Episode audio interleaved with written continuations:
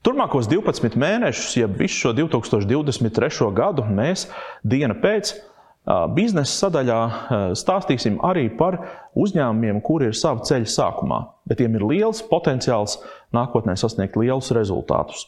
To mums palīdzēs izdarīt Latvijas Investīciju un attīstības aģentūra, kur padalīsies ar saviem inkubatoru uzņēmumiem. Tieši tāpēc Elvis no podkāsta uzņēmēja spēja ir ciemos pie mums, lai palīdzētu izvēlēties šos uzņēmumus. Sveiks! Sveiks! Šis tiešām ir elegants piedāvājums. Es skatos, tu esi izvēlējies vairāk, bet, ja man matemātika ir pareiza, tad eh, šeit nav 12 piedāvājumu. Tev ir taisnība, šeit ir 18. Mums bija grūti atlasīt 12. Darbojoties kopā ar eh, pārējiem inkubatoru projektu vadītāju kolēģiem, mēs atlasījām tik, cik tuvu varējām 18. Te ir dažādas nozares, kā tu redzi. Mums Jā. ir IT nozare, ir pārtika, bērnu lietas, sporta zāļu aprīkojums, dažādi pakalpojumi. Um, Viss kaut kas te ir, kā tu redzi. Jā. Un šie visi ir ar augstu pievienoto vērtību, un ar visiem mēs gribētu palielīties. Mhm. Tāpēc eh, es domāju, ka izvēle nebūs viegla. Vārds sakot, kopā mēs to varētu izdarīt, vai ne? Tā kā, tā kā ņemt un iet cauri un skatīties. Uh, ja mēs par tādiem kritērijiem runājam, tad uh, Es pieļauju, ka tie visi ir nu, inkubācijas eh, joprojām līmenī, vai ne? Jā, visi šobrīd darbojas. Aktīvi, vai ne? Kaut Aktīvi. Kaut Jā. kas ir šķiet arī. Es skatos, ka ir kaut kāda arī pazīstama vārda, print un Es domāju, tu skaties, kur bilde tevi uzrunā. Ah, sāksim ar bildēm. Ja? Kur ir dažas dinamiskas, bet labi, sāksim. Tātad, ko mēs šodien sarunai varētu atlasīt? Es tā pavisam ātri tā, nu, man reku zeltaņa ķīvera, kaut kas tāds. Uh, šis ir, jā, šis ir ļoti forši saistīts ar celtniecību, tāds inovatīvs arī IT produkts, gan Aha. hardware, gan software, kas saka. Būvniecības joma, inovācija joma. būvniecībā. Hmm, ļoti labi. Šie no Jēlgavas, vai ne? Jā, šie ir no manas pārstāvētā inkubātora. Tā būtu ļoti labs sākums. Nu, tad sākam ar šo. Aiziet!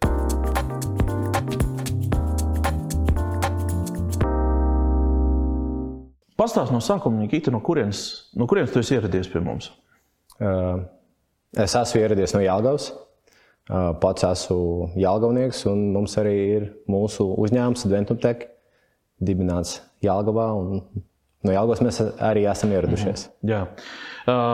Parasti es, un es gribētu arī tradicionāli vienmēr sākt visas sarunas ar uzņēmējiem tieši ar tādu personīgu stāstu, jo man vienmēr ir šķitis, ka tas um, īstais stāsts ir nevis tajā produktā, nevis tajā biznesā, bet vienmēr tajā cilvēkā, tajā vizionārā. Tāpat kā ar Apple ar Steve Jobsu.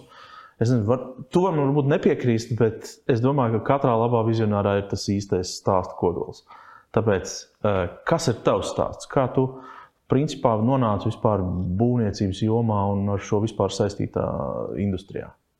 Uh, tā, kad mācījos vidusskolā, bija jālēm, kurus tālāk virzos. Un, kā jau padomju skolas vecāki un vecāki prasīja, nu, kur tu iesi, kur tu iesi. Un tajā brīdī vēl nebija tik, tik plašs tvērums uz dzīvi kā tādu. Man tēvs ir būvnieks un būvniecības inženieris augsta ranga. Tādēļ nu, bija līdzināšos tēvam, iešu arī pa būvnieku. Mm.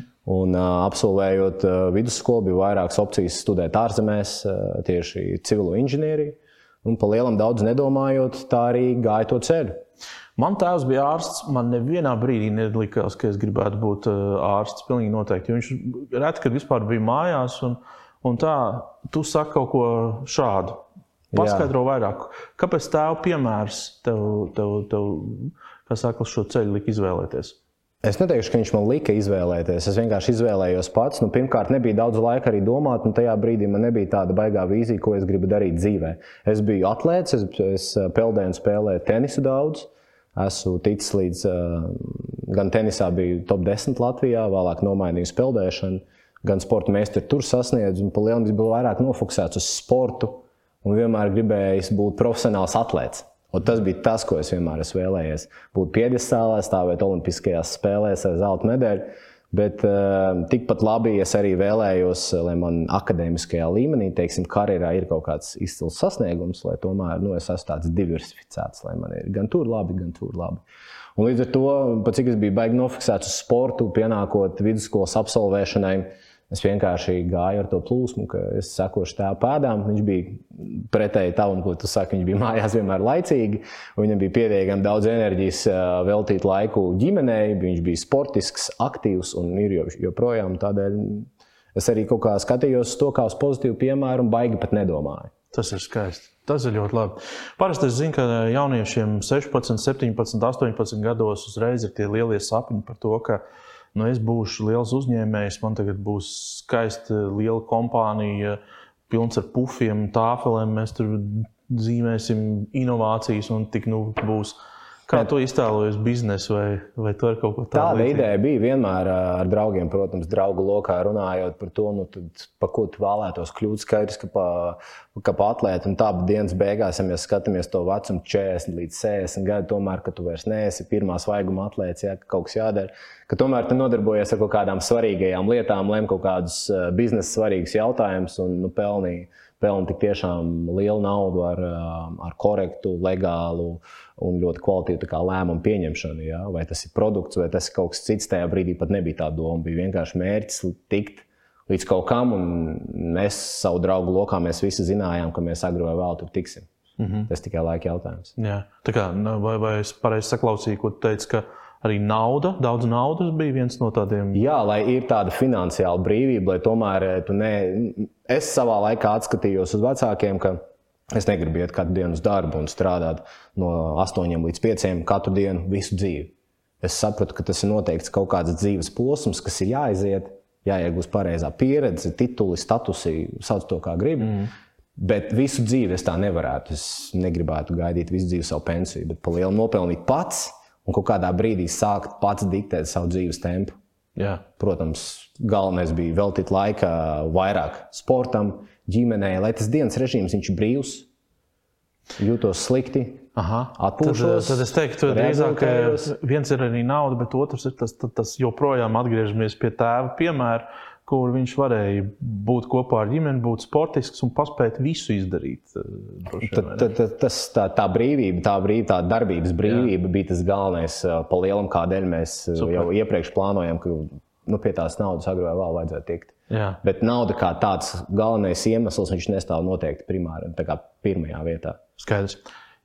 Nikita, īsais ievads no brīža, kad tu uh, saprati, ka jāiet ir biznesā līdz šai dienai. Uh, izējam, izējam kopā visu to biznesa līkloču. Kas, kas, eh, kas tu biji, ko tu darīji, ko tu tirgoji, ko tu ražoji, ko tu izdomāji līdz šai dienai? Man ir no karjeras, kā es sāku kā būvnieks. Eh, es absolvēju Dānijas un Austrālijas universitāti ar dubultdiplomu. Kad es studēju Dānijā, man bija iespēja strādāt transporta ministrijā, būvēt autobāņus eh, iekšā transporta ministrijas struktūra vienības.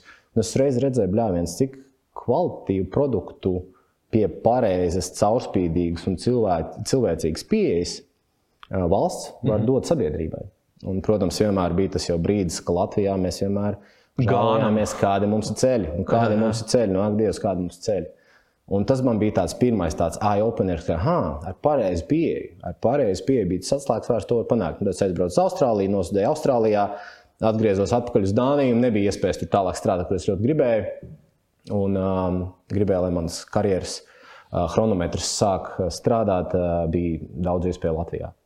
Un es uh, aizgāju strādāt Latvijā uz tādu uzņēmumu akciju sabiedrību BMGS. Tobrīd uh, es tiku paņemts darbā kā pūderu vadītājs ceļot Krievu salu. Nu, tad es tiku visā tajā Latvijas virtuvē un redzēju kā tad ir otrā pasaules teiksim, malā. Otrā Baltijas jūras pusē. Otrā Baltijas jūras pusē, jā, un tas bija baisais šoks priekš manis jau sākot ar pirmo dienu, kā vispār visi procesi notiek. Un tas nebija tikai kaut kāda varbūt konkrēta uzņēmuma uh, procesa, bet kopumā kāda tā vide ir kopumā. Un tas skaidrs, ka ieslēdzās tas režīms, ka no šejienes pa lielu no Latvijas vajadzētu, kamēr vēl ir jauns, braukt maksimāli ātri prom, bet nevis tā, ka mēs visu, bet mēģināt to tagad struktūru un karjeru sakārtot un jau pa lielam Pēc gada es jau biju Zviedrijā. Cik tev bija gadi? 23 vai 24. Tas ir tiešām ļoti jauns. Jā. Nu, salīdzinoši, jā, kas ir ļoti, es domāju, tas ir kā salīdzināt, bet es biju jauns. Es biju vēl, es vēl neesmu tagad vecs. bet es biju prom Zviedrijā, un tur jau sākās nedaudz kas savādāk. Tur, bija, tur jau varēja brīvāk strādāt gan ar projektiem, gan jau vairāk strādāt ar finanšu plūsmām. Tā bija mana pirmā tāda nopietna sārskarsme, kur nāca arī saprašanu, ko īsti dara, kas ir naudas plūsmas, kā plānot finanšu resursus un tā tālāk. Tāmēt būt uh, pārdošanas komandas uh, līderos pie uh, sarunu galdiem, mēģināt pārdot līgumus un tā tālāk. Un te arī laikam bija tas pirmsākums tādam globālajam startam, okay, ka kaut ko kvalitatīvu mēs varam pārdot un par to saņemt foršu naudu.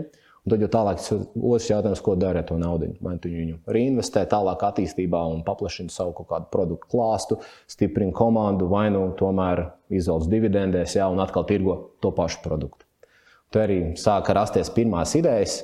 Ja mēs vēlāk pieskarsimies mūsu produktam, no šejienes arī nāca LiveLoads, mūsu pirmais sensors, kā ideja, ko es jau tad pastāstīju savam uzņēmuma kofounderim Dāvim, kurš ir mūsu tehniskais direktors, ka Dāvi ir šāda problēma. Mums viņu vajadzētu atrisināt, un Dāvis jau tad man deva supportu, ka tas ir kaut kas darāms. Es, es zinu, par ko domāju. Uh, romieši cēla tiltus, un kas tik vēl nebija vēsture būvniecībā, ir vienkārši fenomenāli sena un kompleksa. Uh, un, ja, ja, ja tu man saki, ka ir kaut kas, kas vēl ir ir vajadzīgs būvniecības procesā un kas var palīdzēt, tas ir tuvu neticamam. Tad šis te, ja mēs te tā paskatāmies, Uh, tiešām ir kaut kas tāds, kur, kam nav alternatīvas un, un, un kas, kas ir inovācija. Un šo mums jau dod digitalizācija un digitālās tehnoloģijas, kas, diemžēl, romiešu laikos nebija. À, kas nāk klāt? Vēl, kas nāk klāt? Un šis, protams, primāri tiek balstīts uz to, ka tehnoloģijas ir attīstījušās un mēs varam jau novērot tās lietas 24-7 tiešsaistes režīmā, izmantojot mūsu tehnoloģijas. Jā. Un tad īsumā ieskicē, kas tas ir, par ko mēs runājam. Tad mēs runājam par uh, Adventum Tech pirmo produktu, kā bāzes produktu, no kā sākās vispār visa Adventum Tech darbība, kurš saucās LiveLoads. Uh, savukārt mēs viņu dēvējām par Smart Floor Support. Tad tā ideja tāda, un tā problēma, ko es esmu saskāries, ka būvējot Zviedrijā nekustamo īpašumu, komercobjektus vai dzīvojamos objektus. Būvniecības procesā, ja mēs runājam par dzelzbetonu konstrukcijām, tiek izmantotas pagaidu statnes, kas satur to veidni, kurš tālāk tiek iebetonēts, statnes noņemts, pārnes stāv augstāk. Un konstanti visos pa lielam procesos ik nedēļu es kā būvobjekta vecākais teiksim, uzraugs, ja, protams, jā, pie, pie projekta vadītāja amata, gāju cauri statnēm un nu, lielos apjomos viņas bija vaļīgas. Ko tas nozīmē? Ka viņas nestrādā, ka viņas nenes slodzi. Ja tā statne kustās. tur kustās pa zemi, tas nozīmē, ka viņa netur nekādu slodzi. Man vienmēr radās tā sajūta, vai šeit ir droši, vai šeit ir droši atrasties, vai apkārtējās statnes nav tā, ka kādas ir pārslogotas. Nu, ja tu iztēlojies, ka viņas notur uz katru 100 kg, pēkšņi divas izņem, tas nozīmē, uz divām jau ir 400 kg, uz divām 200. Nevis 100 uz katru, bet 200 uz katru. Bet vai tas ir viņu robežās? Vai viņas nav pārslogotas, vai ne, nevar notikt kaut kāds kolaps vai kaut kāds sabrukums, kā rezultātā nu, skaidrs.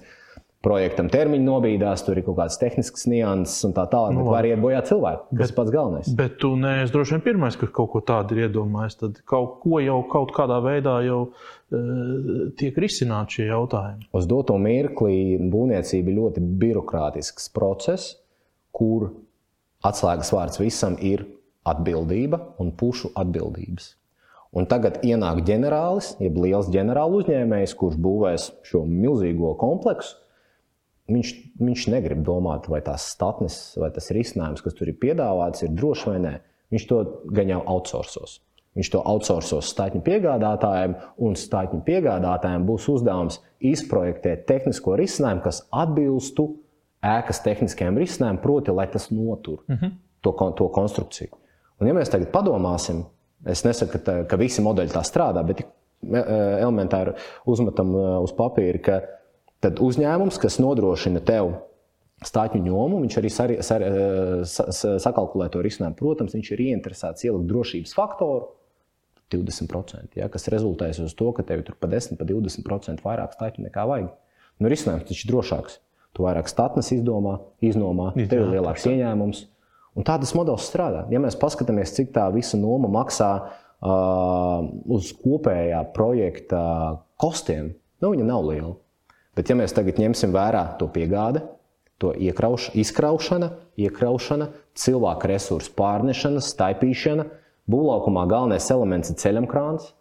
Jo kvalitatīvāk un efektīvāk tev ir izplānots ceļamkrāns, jo ātrāk viss temps ies uz priekšu. Un līdz ar to tev, vajag arī ceļamkrānu, lai to iekraut, izkraut, pārvietot no A un B. Tur ir papildus vēl tam visam nāk CO2 kaut kāds footprints, kas mūsdienās ir ļoti aktuāls termins.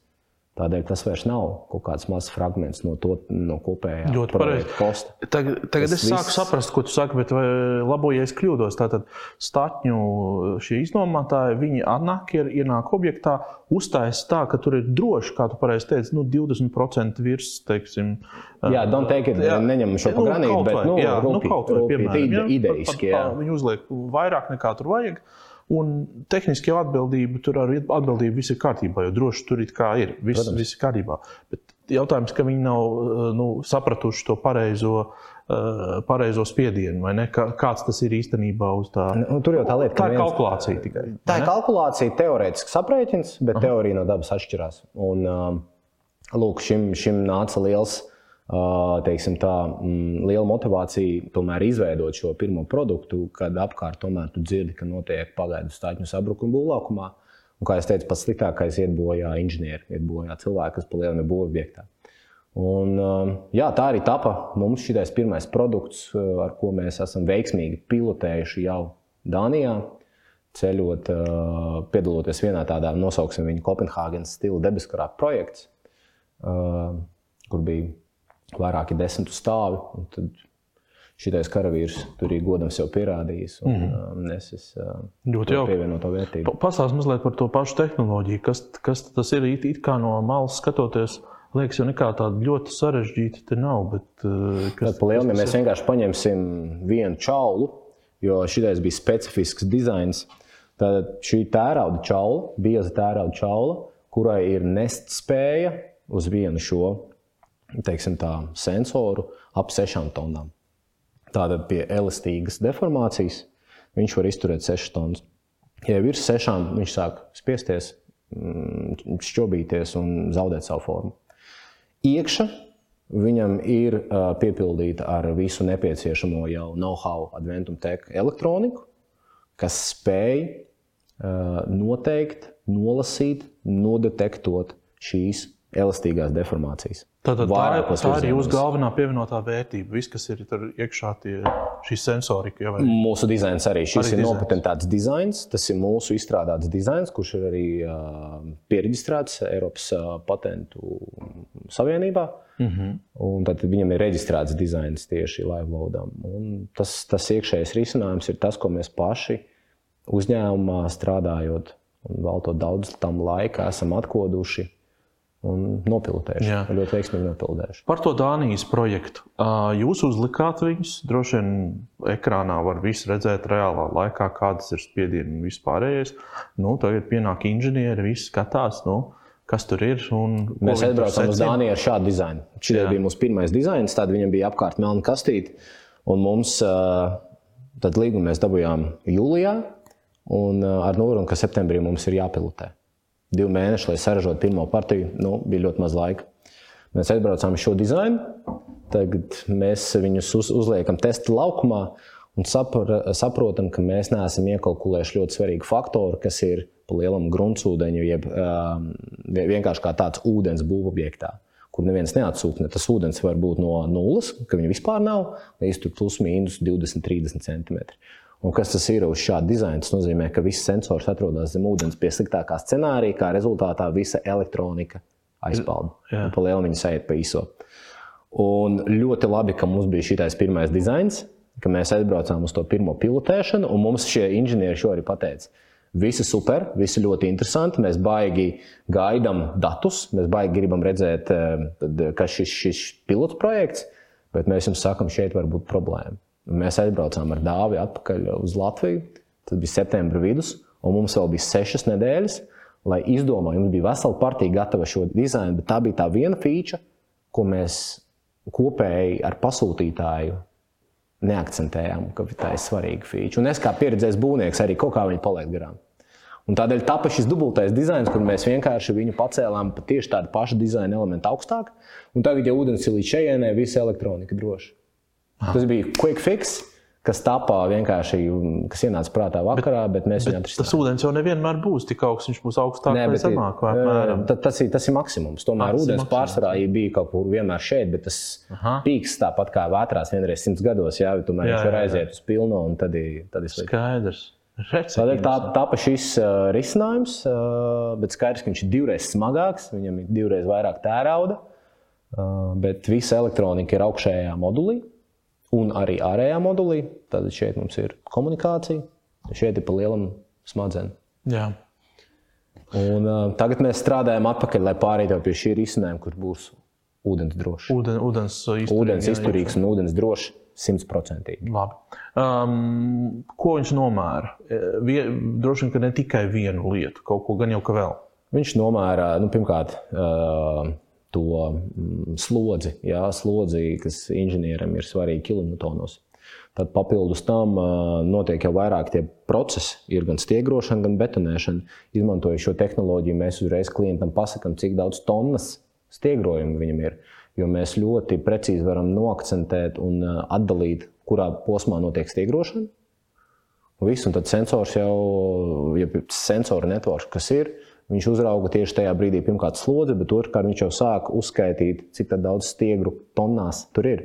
Un tagad mēs uzspiežam pogu betonēšanu, tad mēs jau zinām, ok, šajā posmā tika atstāts tur desmit tonnas stiegrojumu. Atkal pasūtītājs, kas ir projekta vadītājs, kurš nu, neiet katru stundu uz objektu. Viņš var paskatīties, vai tas vismaz nu, plus mīnus 10% sakrīt ar uh, apjomiem, kas bija. Pieņemsim, viņš redz, ka viņam projektā bija 10 tonnas, bet ir iebeton, vai ir pēc datiem uzrādās, ka ir 7 vai 8.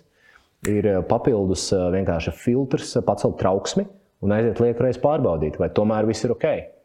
Varbūt tieši otrādi. Pēc papīriem ir pēc projekta 10 tonnas, bet viņam uzrādās, ka ir 12. Varbūt kāds ir pārcenties.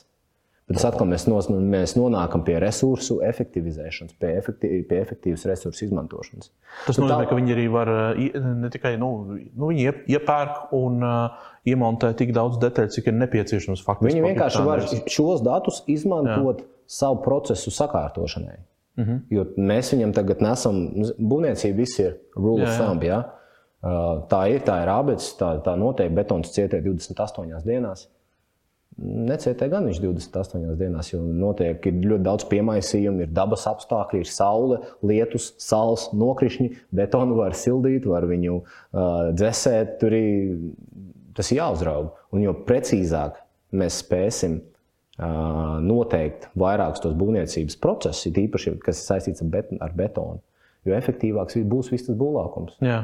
Tas, ko tu nu, pat teici, un kas man, man, liek, man, man tagad tās pūles ietekās un piešķīlās, ir tas stāsts par to, ka būvniecībā jūs beidzot liekat tiem datiem, kurus var tehniski un arī teorētiski un praktiski dabūt ārā no procesa. Jūs liekat viņiem strādāt. Un... Mēs liekam viņiem strādāt, un mēs, tas mūsu tas galvenais, primārais, protams, ir ieviest caurskatāmību procesos kur ir ļoti, es teiktu, tādā miglā atrodas, ja, kur tā atbildība ir nu, tāds slēgts izsmērēta pa iesaistītām pusēm, bet nav tāda caurskatāmība, okay, ka mums ir šādi procesi.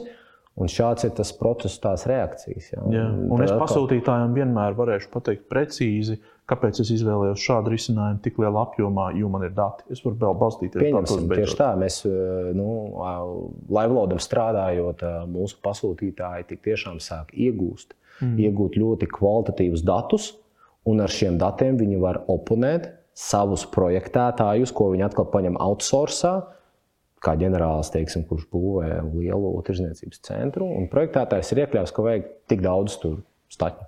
Jā. Atkal viņš var oponēt. Līdz Protams. ar to tie dati sāk strādāt. Par ambīcijām. Uh, jā, ko, tu, ko tu gribi sasniegt? Kas ir tas, uz kādu vadzvaigzni tu skaties?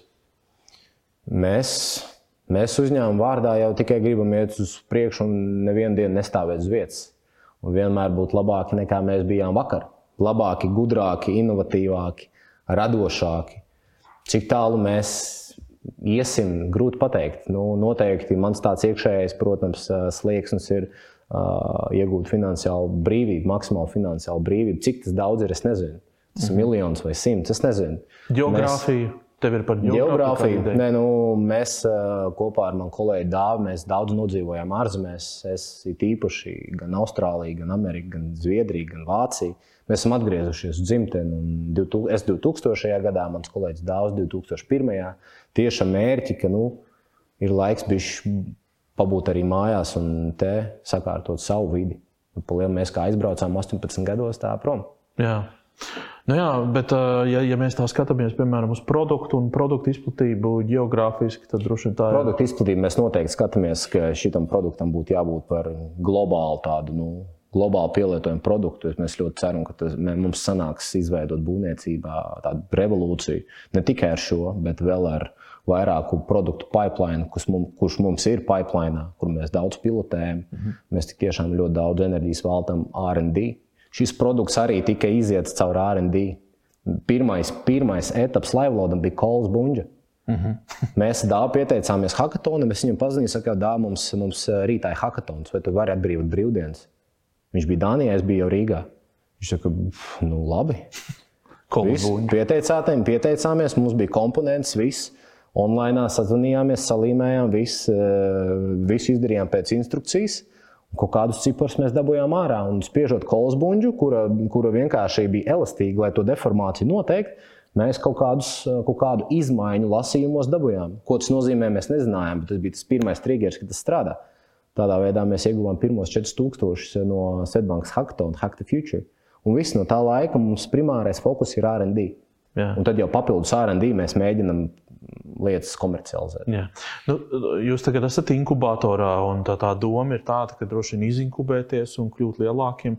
Kas ir tas nākamais solis aiz tā inkubatora, uz ko jūs skatāties? Noteikti kāpināt, kāpināt pārdošanu, un projektu iesaisti, nu, kļūt bišķīt tādiem nu, finansiāli stabilākiem uz kājām. Jā. Pats, pats, pats mūsu galvenais uzdevums, nu, jo dienas beigās mēs saprotam, nebūs projekti, nebūs naudas tālākiem RD. Jā. Var iet pie investīcijām, bet tas arī nav mūsu tas primārais virziens. Tādi lielākie ieguldījumi, piemēram, tagad atnāk pie tevis investors ar kaut kādu X ā, summu. Kur ir tavi lielākie ā, ieguldījumi tieši RD procesa organizēšanā, veidošanā vai, vai, materiāla, vai, vai gala produktu ražošanā? RD. RD būtu vislielākais pienesums. Tas, kam mēs esam izgājuši cauri, ir, ir tiešām viņš ir bezvērtīgs. Viņš ir, viņš ir ļoti, ļoti, ļoti plašs. Jā. Tas, tas, ka tas mums ir tērauds, no šo var saražot jebkurš. Protams, jā, nu, tādā ziņā pēc Sakomplektēt iekšā, un te jau ir tā feature. Jo iekšā salikt to smadzenes, mēs nedabūjām to ar pirmo. Mēs tik tiešām mums bija entās variācijas, entās komponentes, ķīniešu, vācu, austriešu, tas, šitais. Vieni komunikācijas divais, otri baterija tāda, baterija šitāda, kā to savienot, virkni tā, virkni tā.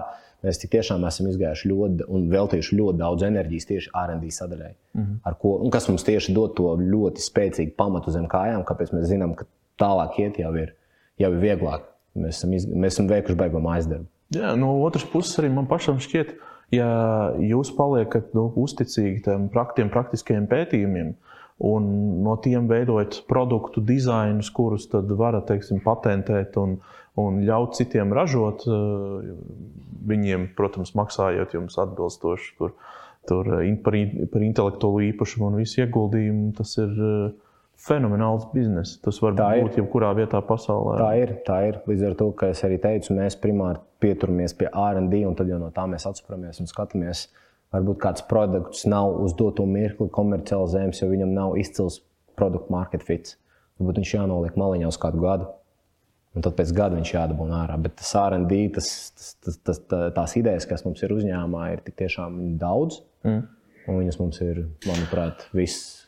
Droši vien, ka tā, tā vīzija, eh, kas ir tavā, tavā galvā, noteikti ir, ka tad, kad es būvēšu kādu lielu objektu, nu, piemēram, un es eh, ģenerālim pasūtīšu, un tad ģenerālis atnāks un teiks, tā, man vajag šeit, šeit, šeit, visus tos mērījumus, man vajag eh, tā, un tev ir praktiski pieejams viss. Viņš bez tevis pat nevar iedomāties būvniecības procesu, jo tu piedāvāsi viņam visus datus, un, un tas būs efektīvs, ātrs, ērts process. Tas arī tas, palielinājums, ko mēs ejam mūsu gala tāda vīzija, ja mēs runājam par būvniecības nozari. kur mūsu primārā nozara dēļ, dēļ šī produkta ir, ka mēs apko, apkalpojam pilnīgi visu būvniecību ar mūsu sensoru sistēmām. Visdažādākām, unikālas, kuras ir specifiski objektam ražotas. Varbūt kaut kas ir paņemts, teiksim, tās pašas kameras, jā, ar kaut kādu AI efektu. Jā. Bet mēs esam tiešām tāds stabils. Um, būvlaukuma operators no, no visiem aspektiem. Jā. Ņemot loģistiku, ņemot būvniecības procesu, sagādas, piegādes, projektu risinājumus, laika grafikus, viss kopā integrēts. Super. Bet būvniecības nozare nav mūsu vienīgā. Es, Mēs esam... es saprotu. Pastāst vēl, kas, kas, kas, vēl, kas, kas no šī var ekstrapolēt? Kas vēl var Papildus mums, protams, ļoti interesē alternatīvā enerģētika. Es pats ikdienā esmu saistīts arī ar elektroautorātu tīkla attīstību Latvijā. Es strādāju Latvijas energo par projektu vadītāju vēl. Un tie bija pēdējie, tagad, pēdējie divi gadi. Tas bija ļoti interesants. Uh, Tāda ļoti interesanta pieredze, kas manā būvniecības karjerā nekad nebūtu tā. Nu, es nekad nebiju redzējis, ka es iešu nedaudz uz enerģētikas virzienā. Bet noteikti šie divi gadi atvēra jaunas durvis no vienkārši idejām, ko mēs varētu vēl darīt. Un visi mūsu komandas biedri ir ar enerģētiku arī uz tu. Mm -hmm. Līdz ar to nu, daudz idejas top, kā optimizēt uh, elektrības kostus maisaimniecībām, biznesiem, uzņēmumiem. Atkal mēs pienākam pie optimizācijas, automatizācijas, efektivizācijas. Bet arī balstoties sensori. uz datiem. Ja? Jā, datiem, jā viss vis mūsdienās pa lielam ir balstoties uz datiem primāri. Jā. Nu, Skaidrs, ka mēs varam meklēt tur eh, optimālākus vai enerģijas eh, ietilpīgākus risinājumus. Tur nevis tur 100 vatu kaut kādu gaismekli, bet 40. Jā, bet tas ir cits stāsts. Labi.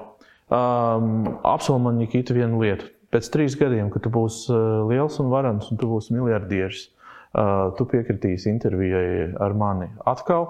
Kad es tev zvanīšu, tu neatteiksi un nebūsi lepns. Sarunāts? Ok, sarunāts. Noteikti nākamreiz ar visu komandu. Forši, lai tev izdodas. Paldies!